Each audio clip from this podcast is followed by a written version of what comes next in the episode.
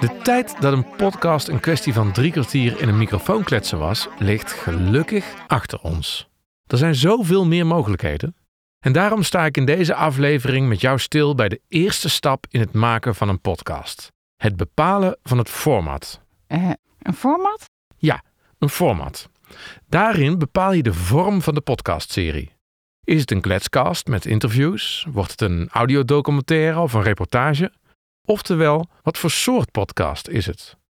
Ook bepaal je in het format welke vaste onderdelen erin zitten, in welke volgorde die onderdelen aan bod komen en hoe lang ze ongeveer duren. Nou, dan is de vraag natuurlijk: hoe zorg je nou voor een podcastformat waarmee je je luisteraar direct de aflevering intrekt en hem geboeid houdt? Ben je er nog? Tot het einde. En nog beter, hoe zorg je er vervolgens voor dat je luisteraar de volgende aflevering ook wil beluisteren? In deze aflevering van Tips voor je podcast geef ik je een aantal aandachtspunten bij het opstellen van een podcastformat.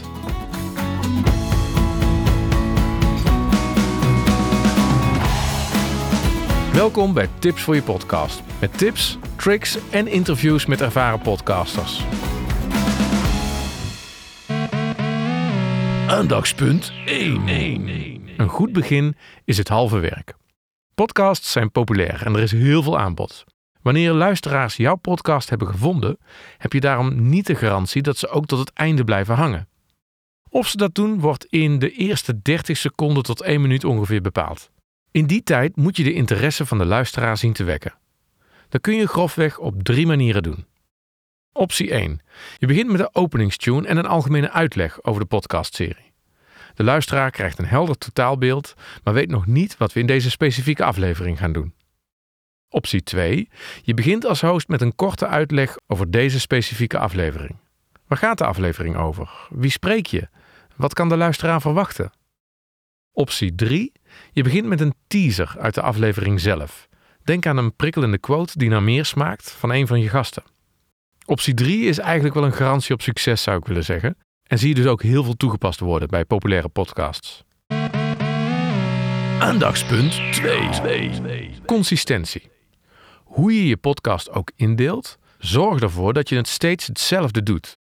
Werk met vaste rubrieken op vaste plekken in de aflevering. Dit zorgt voor herkenbaarheid en de luisteraar weet wat hij of zij op welk moment in de podcast kan verwachten. Denk een beetje zoals televisie. Kijk naar populaire shows van Matthijs van Nieuwkerk of Eva Jinek. Die hebben allemaal een vast stramien waarin ze elke keer opgebouwd zijn. Aandachtspunt 3. Diepgang. Een podcast is natuurlijk bij uitstek een medium waar je de tijd voor neemt. Ook al luister je vaak tijdens andere bezigheden. En zorg daarom voor voldoende diepgang in je format, waarin je op een bepaald onderwerp echt de diepte in kunt. Tenzij je een gekke artistieke podcast maakt, zoals Geel. Hallo, dit is Geel, een podcast over de kleur geel. Van Michiel van der Weerthof. Die diepgang kun je bereiken door bijvoorbeeld een interview met een gast die expert is op het onderwerp, of door een persoonlijke analyse van een onderwerp door de host.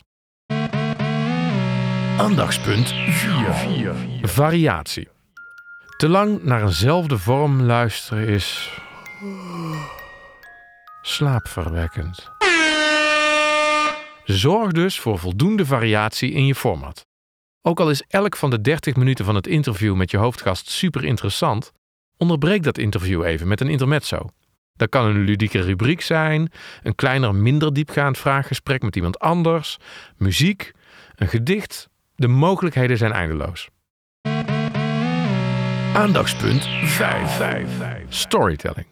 Ik heb het hier in een eerdere aflevering van Tips voor je podcast al over gehad. Maar maak voor het opstellen van het format van je podcast gebruik van storytelling principes. Bedenk dat je de luisteraar een verhaal wilt vertellen. Hoe bouw je dat verhaal dan op zodat er voldoende spanning in zit, zodat luisteraars willen blijven luisteren om te horen hoe het verder gaat? En wat moet je precies tegen wie zeggen? In je podcastvorm kun je vervolgens gebruik maken van zogenaamde literaire technieken als de dialoog, de monoloog, de voice-over, muziek en sounddesign. Luister bijvoorbeeld maar eens naar de aflevering Hoe Sinterklaas een bank hackt van de podcast Ik weet je wachtwoord. van Daniel Verlaan. Het basismateriaal voor deze aflevering komt uit een interview. maar de aflevering wordt als een spannend boek verteld. Je kunt bijna niet stoppen met luisteren. Wil je nou meer weten over wat je met storytelling in je podcast kunt doen? Luister dan naar de eerdere aflevering van Tips voor je podcast. Hoe kun je met storytelling je luisteraar beter boeien en binden?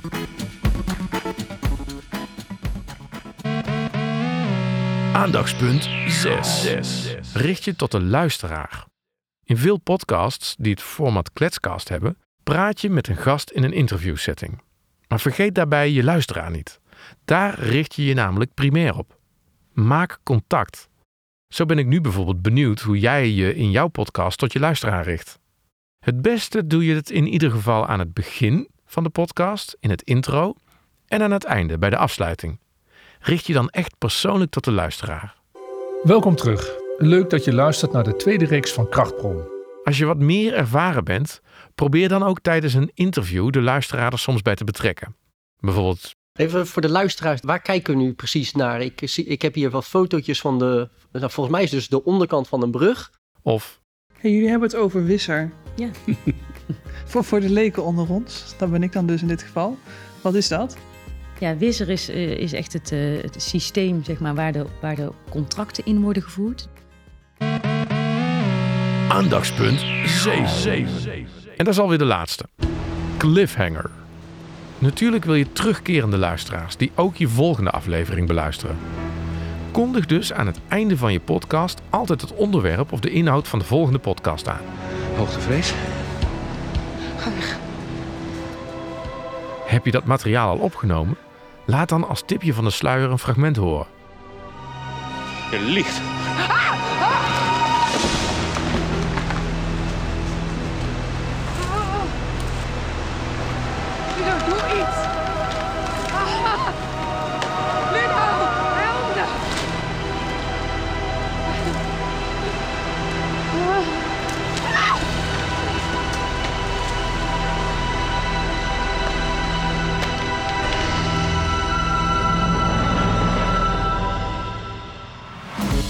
Ik hoop dat je wat aan deze aandachtspunten hebt. Wil je nou meer inspiratie voor jouw eigen podcastformat? Op tipsvoorjepodcast.nl heb ik een voorbeeldformat voor een zogenaamde kletscast voor je klaargezet.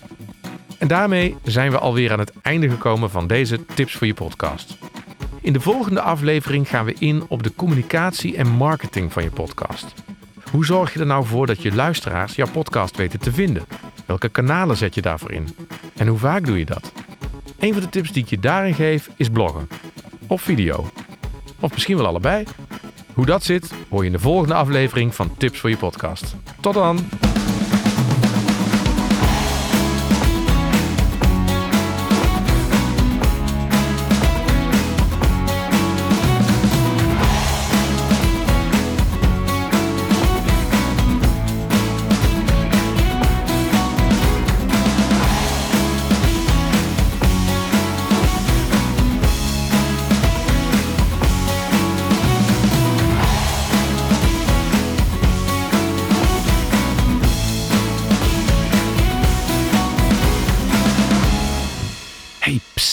Ben je er nog? Nog één ding. Heb jij alles op tipsvoorjepodcast.nl gekeken? De website van deze podcast? Daar vind je naast links naar alle podcastafleveringen ook blogs en artikelen met tips voor jouw podcast. En je vindt er mogelijkheden voor training en cursussen voor als je extra ondersteuning zoekt bij het starten met je eigen podcast. Neem eens een kijkje op tipsvoorjepodcast.nl. Nou ben ik echt weg hoor. Doei!